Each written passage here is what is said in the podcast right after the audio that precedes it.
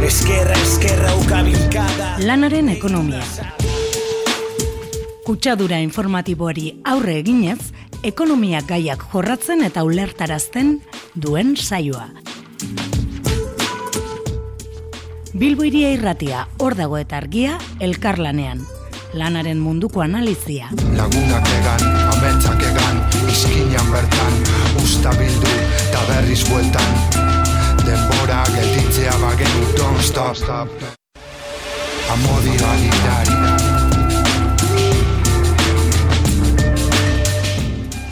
Arratzaldeon, hemen gauz berriz be lanaren ekonomia erratzaioan. Gaurtik aurrera, ba, bueno, astelenetan izango gara, iruretatik eta lauretara.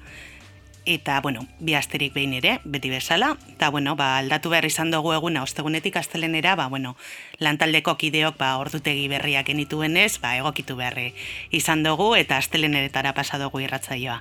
Ba, bueno, esan bezala, oraindik aurrera, astelenetan, iruetatik lauretara, izango da lanaren ekonomia. Lanaren ekonomia, irratzaio hau, Bilbo iria argia eta hor dagoren arteko elkarlanaren frutua da. Eta Bilbo irian entzuteaz gain, arrosa sareko. Arrosa sarean ere entzun gaitzakezue. Beti bezala ekietze barriak sindikal agenda aurkeztuko digu. Urrengo amabostegunetako sindikatu eta herri mugimenduko deialdiak plazaratuko dizkigu. Gero elkarrizketen saioan Mikel Alvarezek beteluk, elaren prekaritatearen kontrako kanpainari buruz e, arituko zaigu. Ondoren, Jon Bernard izango dugu telefonoaren bestaldean, inflazioa, eskuin neoliberalaren lehentasuna, zer egin eskerretik, e, azaltzen. Eta azkenik argiako tartean, Ina González de Matauko radari elkarrezketa egingo diogu baldintzari gabeko oinarrizko errentaren lehen pausoak Katalunian honi buruz. Eta, bueno, azteko, ekietze barriaren eskuetan utziko zaituztet, e, sindikal agendarekin.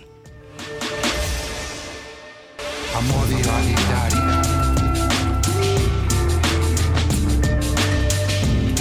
Tira, ba, bueno, eh, hainbat greba daude mai gainean, ikusten da ba, gizartea borborka dabiela eta bueno, ba, hor eh, greba kopuran be nabarituko da. Hasi baino lehen, ba, gora hasiko do, badago aukera programara audioak bidaltzeko, e, horretarako zenbakia, ba, e, 6 lau lau, lau bederatzi bederatzi, bos bos lau, da, e, berri esango dut, 6 lau lau, lau bederatzi bederatzi, bos bos lau, eta zuzenan deitzera animatzen basarete, ba, aukera ere dago, honako zenbakian, bederatzi lau, lau bi lau, iru zazpi, zero lau. Berri esango dut, bederatzi lau, lau bi lau, iru zazpi, zero lau. Zero lau. Eta tira, ba, gaur martxoak hogeita bat dituela, arrasereren kontrako eguna dugu, eta hori dela eta hainbat manifestazio deitu du ba, sos arrasekire eta beste hainbat plataformek. E, Bilbon esaterako, zeiterritan eh, izango da manifestazioa Mariaren bihotza plazatik. Eta gero, ba, beste hainbat lekutan ere badaude mobilizazioak deituta. Gero, ba, e, grebekin e, hasteko, ba, Bizkaiko nobaltian langileek greban jarraitzen dute bederatziren da irugaita mairu garren egunez, hitzarmen duin baten alde. E, Bilboko Guggenheim Museoko garbitzaileek ja da ez daude, dagoeneko ez daude greban, e, izan ere, ba, bueno, bederatzi jabeteko grebaldia egin ostean, soldatak euneko gehi igotzea lo- lortu dute, eta baita, baita lanaldi partxaleko kontratuak mugatzea ere. Saratamon eta Seberion vulkanizados zuloaga enpresako langileak haiek greba mugagabean jarraitzen dute, berreun da irurogeita zazpi garren egunez, hitzarmen duin baten alde. Eta Orozkon, Artiaz Gaienta enpresako langileek, egun da emeretzi egun daramatzate, lau orduko lanusteak egiten egunero langileen baldintzak hobetuko dituen hitzarmen baten alde. Bizkaian e, beti ere, Alkontza enpresan langiek greba mugabean jarraitzen dute hiru astez hogeita mazortzi kalaretzen kontra. Eta betion telelaguntza zerbitzuko langileak lehen greba eguna burutzen ari dira gaur, hitzarmen negoziazioa blokeatuta dagoelako. Bestalde, Turdinagabarri erresidentziako langileek mobilizazioekin jarraitzen dute, ba, pertsonal eta langile faltak eh, sal, salatzeko. Eta Nafarroan, San Adrianen Gene- General Millseko langileek bi asteko greba egiten ari dira, martxoren e, amagustan hasita soldata duinen alde. Ondoren, Douglas Lurrin dendetako langileek greba mugagabea hasi zuten Bizkaian pasaden eguenean kaleratzen aurka. E, baina Nafarroko langileentzat lehen greba eguna da gaurkoa. E, bueno, gaur hasi dute greba Nafarroan barkatu eta e, hori, izan ere, ba, ego euskal herrian, hogeta iru denda itxi nahi ditu Douglasek eta horregatik ari dira protestak. Aurdan bera, e, momentuz Nafarroan eta Bizkaian hasi dira grebak, baina bueno, e, espero da edatzen joatea. Ondoren e, deia egunkariak, boroan e, duen imprentako langiak greba mugagabe hasi dute, hogeta zeik langie kaleratuak izango direla iragarri dutelako. Bueno, e, mehatxo hori dagoelako bintzat. Eta, bueno, e, errepidetan e, gabiltzanok ikusi izan dugunez, ba, egoaldean, estatu mailako garraiolarien greba dugu e, zeigarren egunez, erregaien presioen e, gora, gora kadagaitik, horren kontra protestatzen.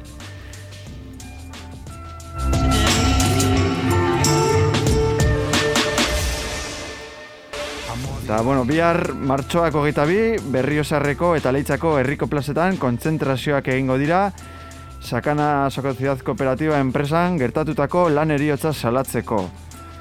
Eta Gipuzkoak foru aldundiaren, e, e, Gipuzkoako foru aldundiaren garbitzaile azpi kontratatue kontzentrazio egingo dute amaikaterritan eulenen egoitzaren aurrean. Ertzi, etzi, martxoak hogeita iru, argiaren presioaren igoera salatzeko, kontzentrazioa deitu du komisionen esaurrezek amabietan Bilbon Iberdrola dorrearen aurrean. Eguenean, eguenean martxoak hogeita lau, osakidetzako garbitzaileek kontzentrazioa ingo dute itxarmenaren alde Donostian amarterritan bertako ospitalaren aurrean, Donostiako ospitalaren aurrean.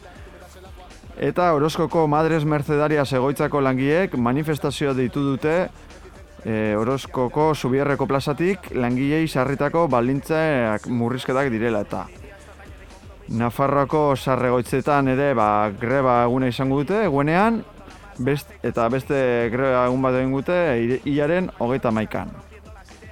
Bizkaira bultatu, zornontzako AKT plastikoz greba e, plastiko zen, greba mugabe hasiko dute hitzarmenaren negoziazioa blokeatuta dagoelako eta hori desblokeatzen alde eta martxaren hogeita bostean, barikuan, EAN, Euskal, Euskal Autonomia Erkidegoan, eskuntza publikoko langile greba egingo dute, lan baldintza egokidun eskuntza euskaldun eta propio baten alde. Eta Bilboko Pozaskaleko dia supermerkatuko sei langile kaleratuak izango, izango dira, edo mehatxu hori egin dute, eta hori dela eta enpresa batzorda greba agona deitu du e, martxoaren hogeita bosterako barikurako. Zapatuan, martxoaren hogeita zeian, argiaren presio egora salatzeko manifestazioa ditu dute zeiretan arriaga plazatik, plazatik sakeoari ez lelopean. Eta Nafarroko esku hartze sozialeko langiek manifestazioa ingo dute amabietan autobusen geltoki sarretik hasita hitzarmena mantentzaren alde.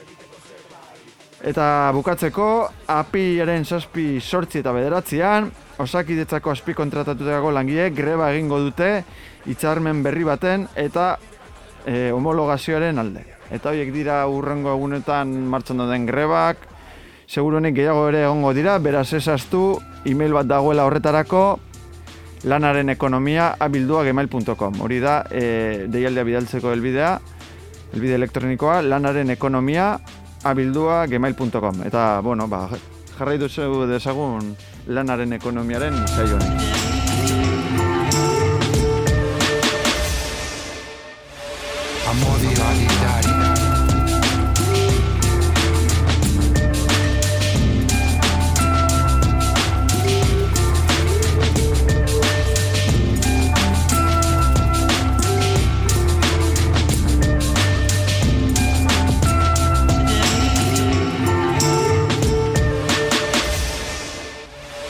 a modi validari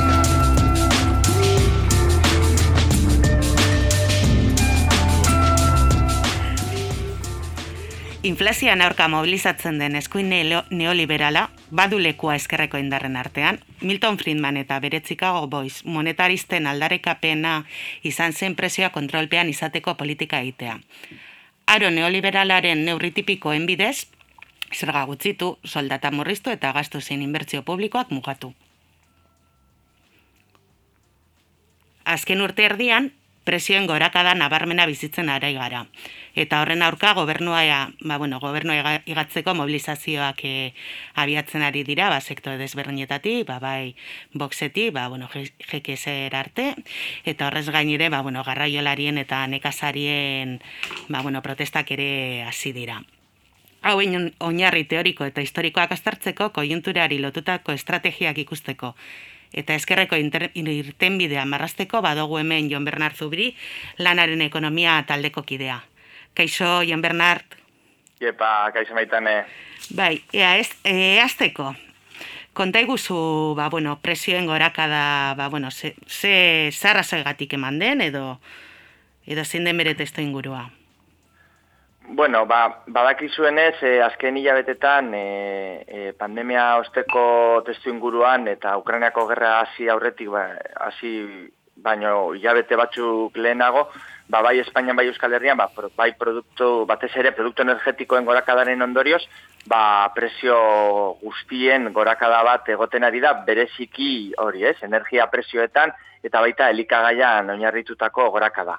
Hau da, e, berez e, KPI deitzen dugun hori, ez, kontsumo presioen indizea gora egiten ari du nabarmen, eta bueno, ba, esan da ere, ba, gorakada horren erdia baino gehiago, ba, presio energetikoen gorakada dala, dala, dala batez ere, ba, hori ez, e, zenbait faktoreen ondorioz. E, presioen gorakada, e, ekonomian oso eztabaida sakonak sortutako ba, fenomenoa da, eta bueno, ba, faktore estrukturalak e, izaten ditu nabarmen, ez? Be, adibidez, el saltoko Juan Laborda ekonomilariak sarritan e, aipatzen deu, ba, faktore kojunturalak e, albo batera utzi gabe, egiturazko faktoreak direla ekonomiaren finantziarizazioa, ez, enpresa transnazionalen oligopolizazioa eta ba, zenbait produktu, adibidez energia eta eta eta elikagaien gaineko prozesu espekulatiboak sortzen dituztela e, gorakada horiek, ez? Baina ezin da esaiestu, ezin da ukatu, ba faktore kojunturalak daudela baita ere, ez? Alde batean e, pandemian osteko errekuperazioa da, e, jakin izan dugu pa, pandemia sortu diren hornitzekatearen mosketak ba, ba, horniketa arazo batzuk sortu ditu eta zenbait eh, produktuen e, gorakada eta garraio presioen gorakada sortu duela, eta gero ba, eskari efektua sortzen dela edo zein errekuperazio ekonomikoan askundea, kontratazioa, soldaten e, gorakada, ba, sortzen dauela presio bat presioen gainean. Ez? Eta hori daneari gehitzeko, ba, azken asteetan bizitzen gabizen Ukrainiako gerra dalata, ba, baita gaz eta baita elikagaiak ba, gorakada areta haundiago bat izaten dabil, pentsa Rusia eta Ukraina batera ba, munduko hartoaren euneko amazazpia, e, munduko gariaren euneko hogeita marra, eta munduko ekilore olioaren euneko laro gehiago ekoizten dituztela. Ez? Orduan, bueno, ba, produktu horiek gorakada nabarmen izaten ari dira, ba, gerraren ezin e, ez egonkortasunen ondorioz. Orduan bakarrik esatea presioen gorakada, ba, faktore e, klasikoak edo, edo ofizialki nabarmentzen dira eskari faktoreak, hau da, edo zein e, askunde prozesuan, ba, tentsio inflazionarioak sortzeko arriskoa dauela, berez hori inflazio ona moduan esan aldogula, ba, ez daita kontratazio gehiago eta eta soldataren igotxearen ondorioz, ba, presioen gaineko e, ba, gorak presioa, presioen gaineko presioa sortzen dela, eta gero badagoela ba, ba un poco ba, esan lehike inflazio txarra edo, ba, faktore geopolitiko edo klimatikoen ondorioz, ba, kostu igoerak sortzen aldirela, ez? Eta hori, ba, gutxi gora bera da presioen gorakada, testu, presioaren gorakadaren testu ingurua gaur egun. No, badakigu, ba, bueno, azkenean inflazioak ba, eragin desberdinak izaten dituela, eh, sektore ezberdinetan. E, konta iguzu apur bat, ba, efektu desberdin hauek buruz. Bai, e, gogoratuko duzu, maitane, egin genuenean hori em, ekonomia eskuliburuen azterketa, Bai. ba, zegoela kapitulo bat nahiko teorikoa, ez? Eta inflazioaren inguruan, ban, e, berez inflazioa ez da, ez da txarra, ez da ona. E, beti deko eragina eta eragin desberdina deko e, sektore batzue, batzuentzako, e, osea, sektor, e, efektu desberdina edo ondorio desberdina ditu, depende ekonomian eta gizartean non kokatzen zaren, ez? E, adibidez, estatuarentzako eta erakunde publikoentzako ona izaten da inflazioa, ze berez e, beraien zor publikoa euro konstanteetan dago eta berez bere balioa depresiatzen da, eta orduan sorpetze publikoa automatikoki gutxitzen da, eta gero badago beste sektore bat oso onura garria duena e, inflazioa dala zorrak dituzten entzat sorpetutako jendearen txat, bere zorrak bebai eurokonstanteetan daude, eta diruaren depresiazioa, ba, sortzen du aliketa, e, beraien e, e, zorren, e, diru konstanteko zor horien, ba, depresiazioa, eta e, jetxiera erlatiboa. Baina presioen gorakada kaltegarria izaten da, batez ere, bankoentzat, akzio dunentzat edo titulo finanziarioak dituzten entzat, eta baita mailegu emaileen txat, ez? Edo, zorraren beste aldean dauden entzat, e, e, mailegu emaileen txat, eta hori, ba, normalean dirua dakon jendearen txat da kaltegarriena. E, ez da nagusia, ekonomian beti da, zer gertatzen da, soldatapeko langileekin, pentsiodunekin eta prestiazio sozialen hartzaien txat, ez? Eta hor sortzen da, klase gatazka edo langile eta kapitalaen arteko gatazka historikoa, eta baita estatuaren aurka sortzen den gatazka bat da, da e, errenta horien eguneratzea KPI egitea, eta eguneratze hori, hau da, e, zure errenta, e, presioaren gorakadarekin bat etortzen bada, ba, zure errenta erreala, soldata, pentsio edo, edo prestazio sozial erreala, hau da, e, diruaren depresiazioa edo presioen gorakada kontutan hartuz, ba, efektua hori e, balio gabetu alda, eta hori izaten ari da adibidez Espainian, ba, baita gobernuaren politikaren ondorio sortzen ari da borroka ba, oso importante bat, hau da soldata, pentsioak eta bar eguneratzea e, kapegirarekin, eta gero baita ba, e, negoziazio kolektiboaren bidez, ba, soldata errealen mantentzea edo edo hobetzea e, ba, borrokatu e, sektore sektore eta enpresa guztientzako aplikagarria diren. Hau da, e, teorikoki e, inflazioa beti da e, eskuineko aldarrikapen tipikoa, eta hori historia zaharra da, eta gutxi gora bera neoliberalismoaren, aroaren, iaia e, aldarrikapen prototipikoena dela inflazioa kontrolatzea. Bai, eta, bueno, ia, saldo aldi gozu, ba, zergatik diozun hori, hain zuzen ere, ba, bueno, inflazioaren aurkako mugimendu historikoa dela e, neoliberalismoa. Harin, harin esan da, mila beratzen eta irurogeita marren amarkadan, petroleo krisia eta eta krisi, krisi ekonomikoa, estankamiento edo, edo atzerakada ekonomikoa gehi pe, presio e, petrolioaren krisiaren mila betxoen eta mairuan sortutako petrolio krisiaren ondorioz, estanflazio prozesu bat sortu zen, eta hor, ba, e, ordurarte egiten ziren politika kinesiarrak ezien balio, ez? hau da, zuk politika ekonomikoaren bidez, ezin dozu ekonomia berotu, e, ba, askundea eta enplegua berpisteko, eta aldi berean inflazioa kontrolatzeko ba, ekonomia otxitu, ez? edo politika antizikliko horien ba, e, e, ezintasuna nabaria agerian geratu zen, eta hor agertu zen Milton Friedman eta bere Chicago Boys taldeak bere politika monetaristak proposatuz. Ez? Adibidez, azken egunetan, garaian, mila bere txerunta hogeita manzean, Jose Luis San Pedro, ekonomilari espainiarrak, e, la inflación, protesis del sistema, liburua egon irakurtzen, eta oso importantea da, ulertzea zelan, neoliberalismoaren abia puntua izan zela politika antiinflazionista hauek lehenestea, eta horren ondorioz, ba, e, e, politika espantxiboak edo edo krisitik irtetzeko ba, politika kinesiarrak ba, balio gabetu ziren, edo alde batera utzi, utzi ziren, e, azken amarkadetako politika e, monetarista edo antiinflazionistak izan dira nagusi. Zeintzuk dira horien ezaugarriak, ba, austeritatea, soldata pisua gutxitzea ekonomian, batez ere soldatak direlako eskaria sortzen duten e, faktore nagusia eta horrek e, presioen gorakada sortzen deu, eta gero adibidez guretzako Europar Banku Zentralak egindako politika monetaristak badutela berez inflazioa mugatzeko e, e, mandatoa eta ez beste horrelako langabezia edo askundea e, konpontzeko e, bete beharra. Ez? Hori, berez Europan aurreko krizian oso argita garbikusi izan, kriston krizia etorri izan 2008tik aurrera, eta ezin izan genuen politika, e, politika e, espantziboak egin, hori inflazionistak zirelako, eta hori hasi ziren bebai ezin egona, eta borroka sozial asko e, areagotzen Europa osoan, berezikiego aldean, Siriza, Podemos, Sinn Féin, Irlandan, edo 5 estela e, Italian agertu ziren, eta hor, Europar Banku Zentralak eta horok horrean troikako agintariek ba, aldaketa bat ekarri zuten, eta horren ondorioz, politika espantziboak edo neokinesiarrak egiten hasi zuten, eta horrek e, ekarri deu, adibidez, azken urte, bi urtetako pandemian, politika espantzibo horiek berriro agendan jarri direla, eta adibidez, Next Generation bezalako politika kinesiarrak, ba, irizpide ekologiko eta digitalizazioa bultzatzeko egin direla, hau da, azken bost hamarkadetan ezin izan dugunain egiten ari gara azken e, bi urteetan, hau da, e, inflazioaren arriskua bigarren mailako arrisku moduan ulertuz, ba, eskundea eta enplegua berpisteko ba, politika e, espantzionistak eta gastu publikoa e, bultzatzeko politikak e, egitea. E, harinago komentatutako gaire haietara itzuliz, zergatik esaten dozu, ba, presioen egoeraren aurkako mugimendu anitze ba, sortzen ari direla? Claro, e, berez, politika espantziboak egiten direnean, e, inflazio arriskua beti dago hor. E, aurretik esan dudan, faktore strukturalak direla eta, hau da, potere banaketa eta zenbait enpresa multinazionalen poterea dela eta, baina baita faktore kojunturalak direla eta, ba, eskari efektua edo kostu igoeraren efektua sortzen direlako. E, berez, historikokin aro neoliberalan horren aurkako borroka beti izan da eskuineko borroka bat, inflazioaren aurkako borroka eta politika ekonomiko kinesiarrak edo espantzio politikak hori e, mugatuz.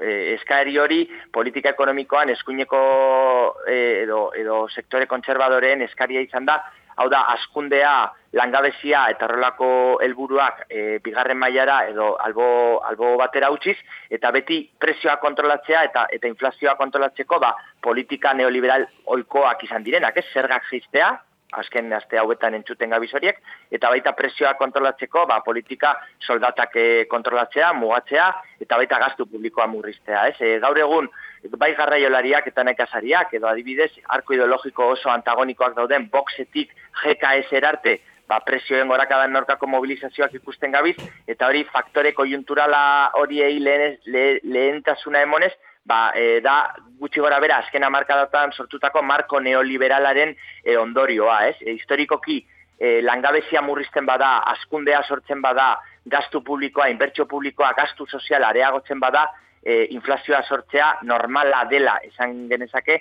eta ez da izan behar e, eskerreko politikaren lehentasun bat, kasu honetan e, bizi baldintzen hobekuntza erreala e, borrokat, e, klase borrokaren bidez lortuz gero. Eta, bueno, e, amaitzeko, Ion Bernat, zir, e, zirten bide daude eskerrako indarren artean, ba, bueno, e, arazo ni erantzun politiko baten bidez emateko? Ba, berez ez da erraza, e, agenda bateratu bat ukitzea, e, kasu honetan, e, Espainian dauden eskerreko gobernutik, ba, e, zalantza batzu sortzen ari direlako.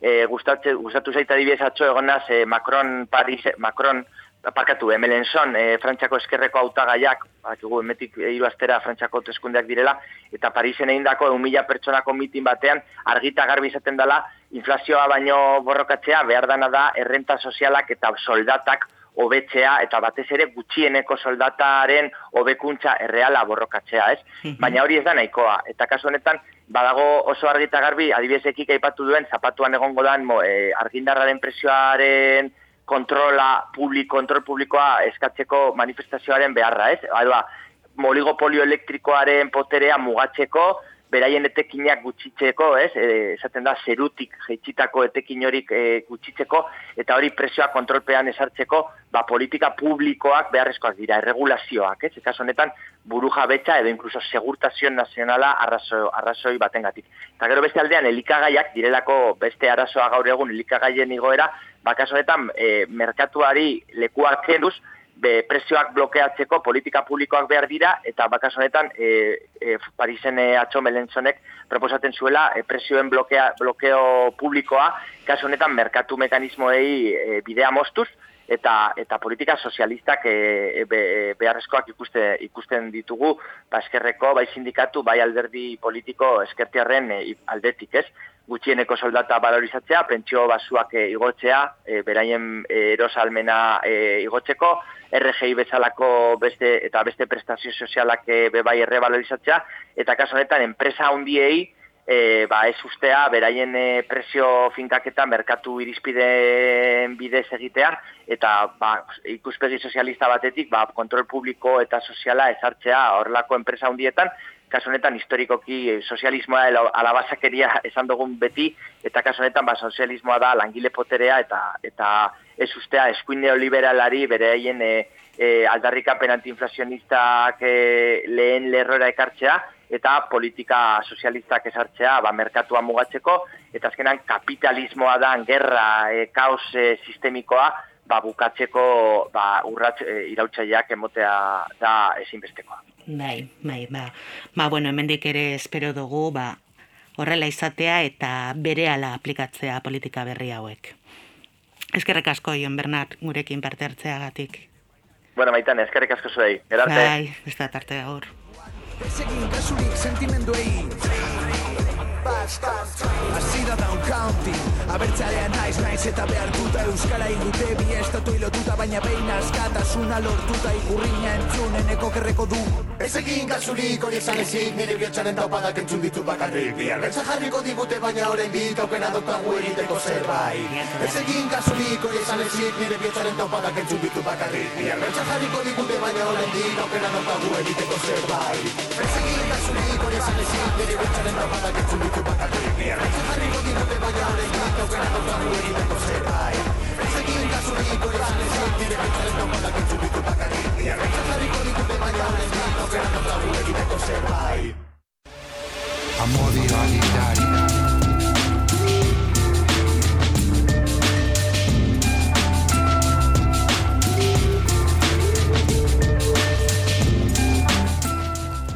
Programarekin aurrera jarraituz, e, maitanek sarrena esan bezala, orain gurekin peio igeregi daukagu, elako negoziazio kolektiboko arduraduna. Kaixo peio? Kaixo, eguerdion. Eguerdion. E, bueno, elatik e, pasaden martxoaren ama, e, amaseian e, prekaritatearen kontrako kanpaina berri bat aurkeztu zenuten, eta, bueno, kontatu iguzu zertan datzan kanpaina eta nola kokatzen duzuen? Bueno, guk bi, bi helburu nagusi dauzkagu. Lehen da bizita importanteena, lantokitara mezu bat bidaltzea, eta da sindikatuak bere le, lehen biziko egiteko izango dula prekaitateari aurre egitea. Eta lantokitan plangintza zehatzak egitea horri, horri aurre egiteko. E, hori da guretzat e, elementu importantena eta gure konpromisoa hori hori izango da. Ordezkaritza daukagun toki guztietan, kanpaina horreara matea eta eta lanketa zehatzak egitea lantokiz lantoki prekaitate egoerei aurre egiteko. Eta horretaz gain, konpromiso politikoa nahi ditugu, patronalaren konpromisoa nahi dugu, eta alderri politikoen konpromiso nahi dugu, prekaitatearen kontrako neurri orokorrak ere martxan, martxan jartzeko, pobreziaren kontrako neurriak martxan jartzeko, behinbinekotasunaren kontrako neurriak martxan jartzeko, eta langileak arriskoan jartze dituzten enpresen kontrako neurriak hartzeko. E, orain arteko lan merkatuan ikusi dugu prekaritatea jaun eta jabe dela, merkatu duala deitutako hori oso zabalduta dagoela gure gizartetan eta ekonomia produktibo eta reproduktiboetan, baino azken aldi honetan agian, ez, prekaritateari eragin dion faktorerik garrantzitsunetako bat e, inflazioa izan da, ez, e, lan e, bizitzaren garestitzea, eta ikusi ez dakegu nola, bueno, e, bai hitzarmen enpresa edo sektore batzuetan, soldatak ez diren e, bizitza bezain beste ba, igo. E, horren kontrako estrategio aldarrikapen konkreturik barne biltzen duzu kanpaina honetan? E, bai, gure planteamendua da bataz besteko soldaten euneko irurogeia bermatu inbarrala. Da horrek supoatzen du, amazortzi mila eurotik gorako soldatak izan bat diela gutxienekoak lan, lan hitzarmenetan. Eta duintasunaren muga hor kokatu nahi dugu modu kolektiboan, eta horregatik lehen ezaten nuen guretzat lehentasuna da lantokietara hau aldarrikatzera joatea, langila kontzientzatzea gutxieneko neurri hau ezinbestekoa dela eta gatazkak martxan jartzea honi honi begira eta guretzat ezinbesteko izango da greba kopuru handitzea bai lantokitan bai sektoreetan hitzarmenetan gutxieneko hori bermatu alizateko. Hmm, hor ere, aldarrika pentaulan, kanpainaren aldarrika pentaulan, eh, badago nola baiteko berritasun bat, ez? Zorain arte bai elatik edo karta sozialetik mila berreun euroko gutxineko soldata planteatu da, eta orain mila iruron da bat eurotara igotzen duzu aldarrikapen hori. Hori bada ez da bai da edo, bai, ausnarketa baten ondorio edo, edo zergatik hartzen duzu referentzia hau?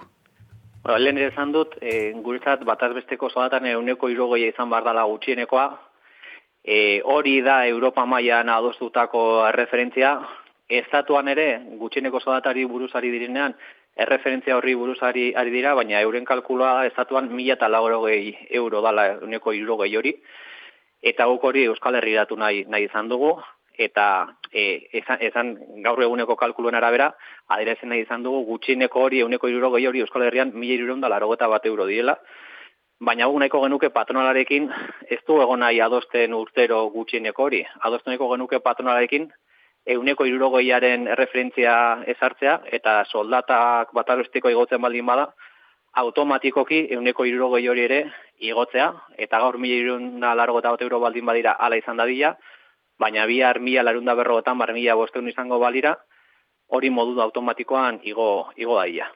Orduan hitz egin genezake 2017an egin zen akordio interprofesional baten antzeko proposamen batetaz, ez? Behintzat helaren bai. partetik.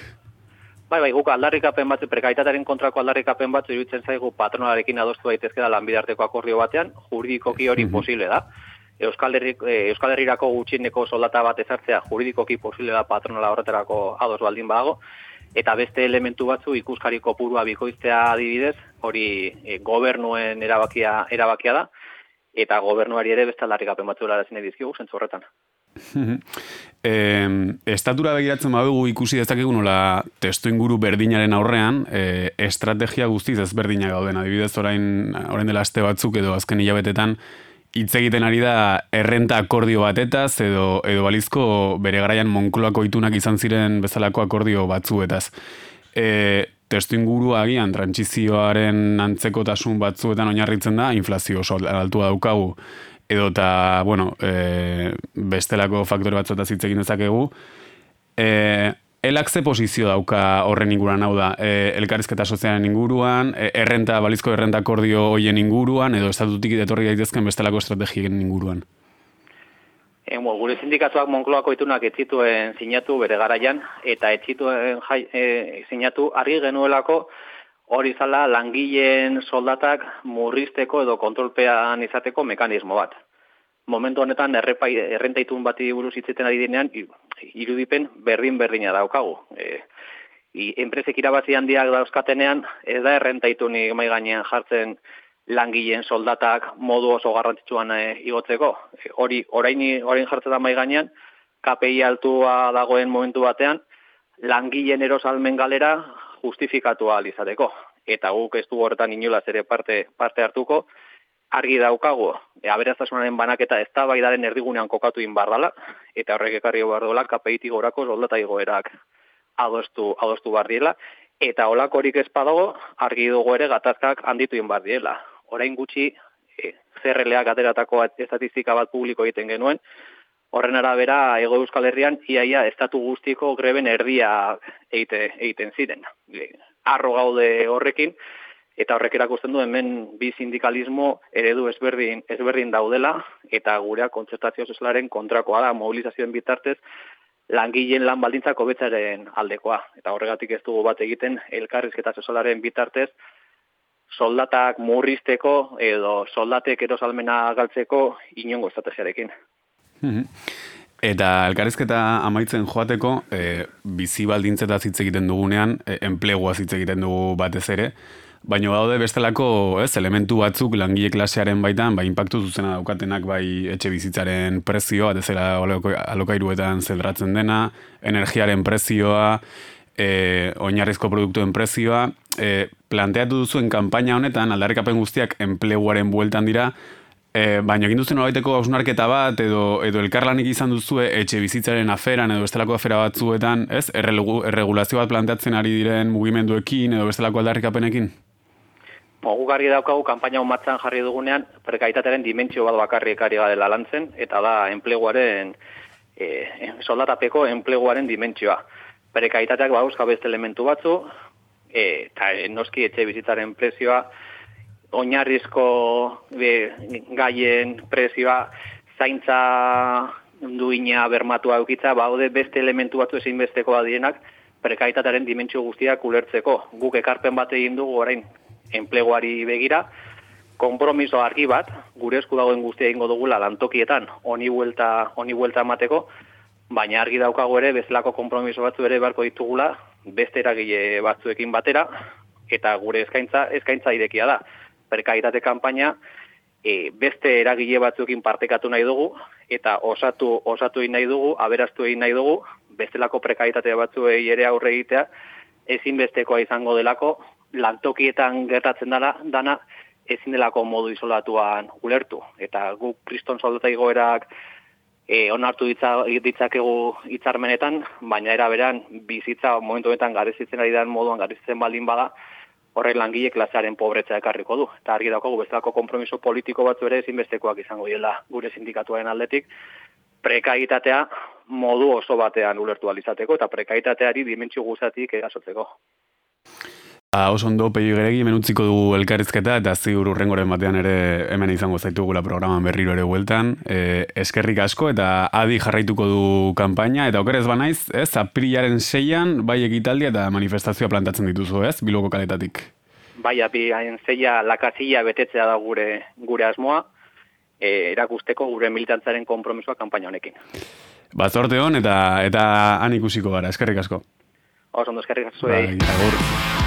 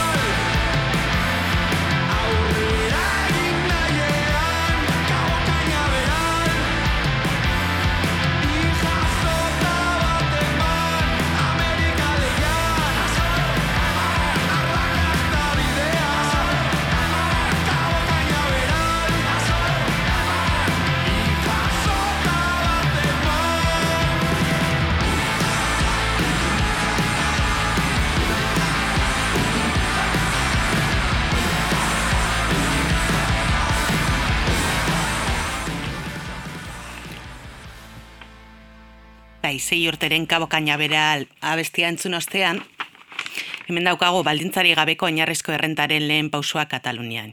Oinarrizko errenta unibertsalaren inguruko eztabaida Kataluniatik Euskal Herrira ekarri dute Laure Laura Bilagra Ipons Generalitateko aholkulariak eta Sergi Rabentosek. Otsaiaren hogeta bostean, EHUk Bilbon duen bizkaiaretoan izan ziren bi katalanak, Julen Boian ikertzailearekin batera. Eta OEUren eta Kataloniako proiektuaren inguruan e, aritu ziren. Eta, bueno, honi buruz hitz egiteko, hemen daukagu telefonoaren bestaldean Inaut González de Matauko horra da. Kaixo, Inaut? Kaixo, arratxalde hon. Kaixo, bai. Ia, ba, azteko, ba, oinarrizko errenta unibertsalaren ideia ba, azkenean ez da ideia berri bat, ez? Konta iguzu apur bat honi buruz, noiz hasi zen da... Bai, bai, berria da. E, Sergi Raventosekin hitz egin nunean zenik, e, asko denun enekin honi buruz, bera komentatzen zuen, e, hoi garren mendea mairan hasi zirela ideia horiek, baina e, atzera gora junda, berak esaten zuen ere, antzindariak edo aurkitu zitezkela. Batez ere, ba, Amerikako, Ameriketako estatuatuetan, e, gerraren ostean, e, independentzia lortu zutenean, ba, e, lur naturalak, parkeak eta alako leku handiak e, monopolisten eskuetan erori ziren, e, ustiatzeko eta hainbat filosofok eta pentsalarik ba, e, pentsatu zuten horren ordez, ba, e, monopolista diek lortzen zuten e, dirua ba, e, banatu egin bartzela jendean artean errenta moduan.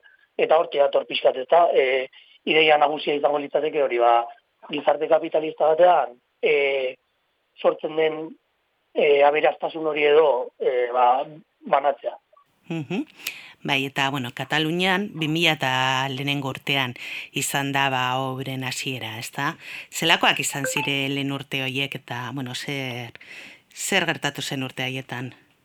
Bai, ba, komentatu ziguten garen arabera, e, urte horietan, e, Europan ja herrialde batzuetan e, horren inguruko debatea eta hori bultzatzeko plataformak aurrera zijoazen eta e, errez guztet izan zela e, horri horri buruz hitz egin zuena, baina ez diren pausu gehiegi eman, eta, baina hala ere, e, ba, Kataluniako biztalde batzuk e, horren ingu, hori jorratzen hasi ziren eta plataforma sortu zuten, eta lotu egin ziren nazio hartan zuen beste plataformekin, eta horren arira, 2008an antolatu zuten e, nazioarteko kongresua, eta, e, oinarrizko rentari buruzkoa Bartzelonan. Mhm. Eta hortik aurrera, ba, egia esan da, politikaren egunerokotasunan ez da ez dagon. Batez ere egon da plataforma hori eta bertako jendea hori bultatzen, baina egia esan da ez dula e, isla izan ez, e, ba, debate politiko handiagoetan. Ba, gainera Katalunian badakigu ba, independentzia prozesuarekin eta bestelakoekin, ba, hori alako gozak bigarren plano batean geratu dira.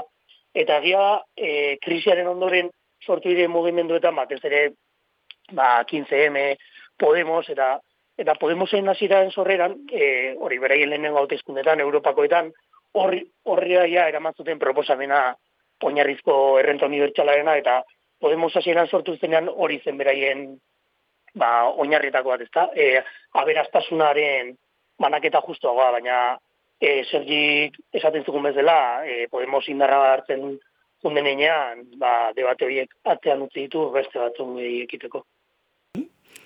Bueno, ez, da, e, 2008 bat garren urtea bai izan dela, ba, bueno, 2008 bateko Kataluniako hautezkunden ostean, bai izan dela, ba, momentu bat, ba, horren borrokarako, ba, inflexio puntua, edo, esan genezak, ez da, eta, bai, bai konta eguzio buruz, bai. Bai, ba, e, azkenean, e, aldaketa bat eman da, Kataluniako ezkerri independentistan, eta, lehenago, ba, Junts Pelzik, eta, e, urte batzuk lehenago ziuk, eta zekaten moterea, izan gehiago banatu da alderdi e, parlamentuan hitz egiten ari gara, eh? baina ezkerti arragoetan, ez da, RSI izan zen lehenengo, lehenengo indarra, eta kupek ere bozkasko lortu zituen, eta azkenean ze gertatu den, ba, kupen bozkak eta kupen eserlekuak e, beharrezkoak bihurtu zirela e, gobernu independentista ateratzeko. Eta investidurarako negoziaketetan zudenean, ba, kupek eraman zuen e, puntu vital edo puntu garrantzitsuenetariko bat, ba hori bere izan zen eta oinarrizko renta unibertsal baten inguruko plan pilotoa probatzea eta ba errezek onartu behar izan zuen eta eta gaur egun ba hori aurrera doa eta Sergi Raventos e, beste hainbat pertsona ez dela izan da e, plataforma honetan urteak eman dituena eta orain bere bere eskuetan, bo, bere zuzendaritzapean dago plan pilotuaren plan pilotuaren bulegoa eta e, Laura Laura RCko RCko e, kon aulkularia da ba hori berak ere ematen du hori. Hmm? Bai, eta bueno, esan dozu mesala, ez? Plan pilotu hau, ba, kontai, kontai aldi guzu, ba, purba gehiago plan pilotuari buruz, zertan datzan? Bai, ba, esan dugun bezala, plataforma honek urte asko dara matzalanean, baina ez ziren iritsi alako posizio batera, eta benetan proba ziteken momentu batera, eta eta hori ba, alderdi ezkertiarragoen indarri gazteak hori eragindu. Eta plana zein da, ba, e, Sergi komentatzen zigun bezala, e, aurrera doa plana, eta dirudienez, 2008 bian maieran, edo beranduenez, 2008 inguruan, hasi nahi dute plan pilotuarekin. Eta ondorioz, ba, 2008 bostean, evaluazioa egiteko eta ondorioak ateratzeko, eta gero etorkizunean, ba, e, beste, nora, beste neurri batzuk hartzeko. Eta plan pilotuan egin nahi dutena lagin nahiko txiki bat hartu, eta komentatzen zuen, bos mila, sei milakoa edo, e, bueno, pixka gehiago, baina izango litzateke Europa mailan egingoen plan, e, plan pilotu handiena.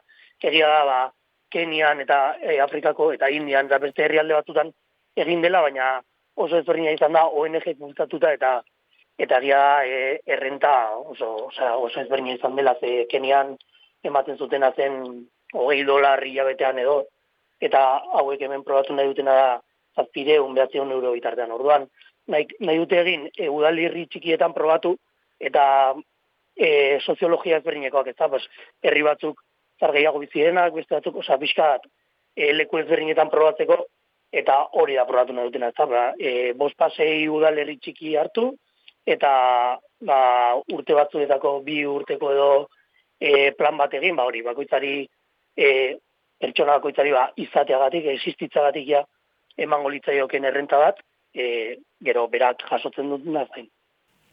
Bai, bueno, gaiari beste ertz batetik helduz, ba, azkenean oeuke ere kritika asko jaso ditu, ez? Eta zintzuk izango lirateke kritika hauek? Bai, kritikak e, orokorrean, ba, ere egiten zaizkienak dira, e, ez dela bideragarria eta osea ez dago la horre dago irurik eta e, egia da ekonomia nola egon e, ikusita hori pentsatu daiteke baina bueno Sergik eta komentatzen dutenaren arabera kalkuluak eta barregin daude eta e, politika fiskal e, zorrotzago batzuekin eta benetan e, ebazio fiskalari eta alako triki maiuei benetan aurre eginda esaten dute e, zifrek ematen dutela eta eta eta hori, osea, bai. Bai, eta besteren bat, beste kritikaren bat ere jasotzen da, edo? Bai, kritika egiten zaiena ere da, e, batez ere, hori, azkenean, pertsona bat, e, zazpideun, zortzirun, behatzion euro jasotzen baditu, ba, e, lan egiteari e, utziko liokela, baina e, hau komentatzen dutena, e, Sergi Rabentosek bere bere karrera akademikoan ere e, egin diren beste plan pilotu batzuen emaitzak e, ebaluatu ditu eta horri ikusi da jendeak ez diola lan egitari uzten alderantziz e, azkenean segurtasun ekonomiko gehiago eukitzak ere motivazioa handitzen dula eta eta horrez gain ere e, ikusten omen dute ba hori jendeak azkenean e, garantzi gehiago ematen diola bere lan munduari eta e, ematen diola erraminta bat eta segurtasun ekonomiko bat eukitzak ematen diola langileriari erraminta bat, ba, berak benetan nahi duen lan bat aukeratzeko eta eta ez konformatzeko ba, lan batzuekin. Eta, bueno, amaitzeko, ez? E, lehen aipatu dozu ere, ba, bueno, azkenean Kataluniako plan piloto hau, ba, Europako saiakera nagusia izateko helburua daukala, ez? Eta, bai. bueno, bai, ez da? Bai, bai. Mhm. Eta, bueno, komentatzen zenuen testuan, bazkenean, ba, Finlandian ere proiektu handi bat egin dela honen inguruan, baina ez dagoela izan aukerarik ba, aplikatzeko.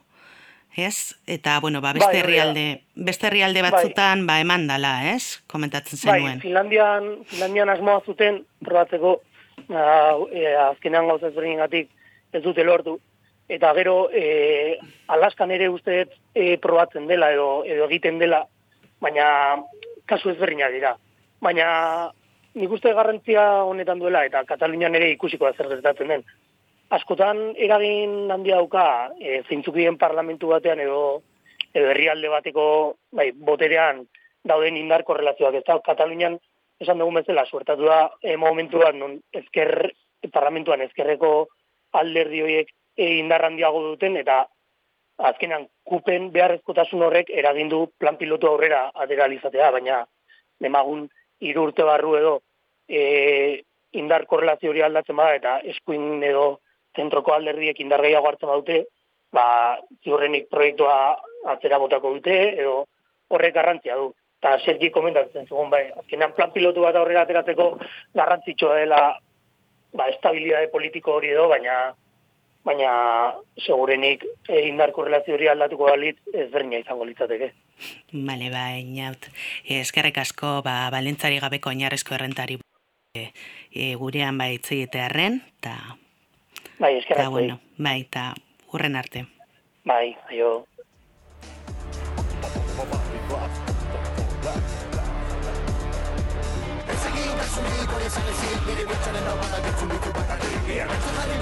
Dios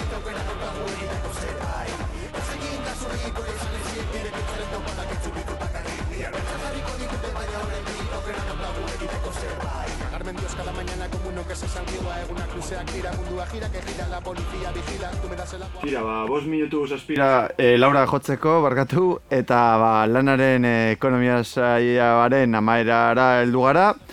Eskerrik asko Peio Egeregi, Inaut González de Macauto eta Jomerra Zubiri zuen denbora gure galderi erantzuten eskaintzagaitik, baita anezabaldare ere, saio hau posible izateko azpigidura eskaintzagaitik.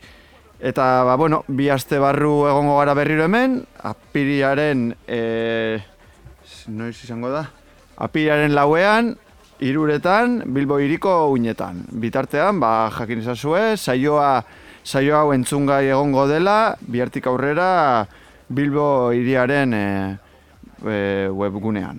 Beraz, ba, bueno, onde bili eta bi aste barru egongo gara berriro. Eskerra, eskerra, ukabilkada Lanaren ekonomia.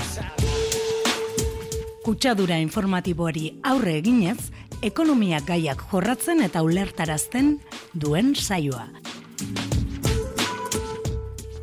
Bilbo iria irratia, hor dago eta argia, elkarlanean. Lanaren munduko analizia. Lagunak egan, ametsak egan, izkinan bertan, usta bildu, eta berriz bueltan. Denbora gelditzea bagenu, don't stop.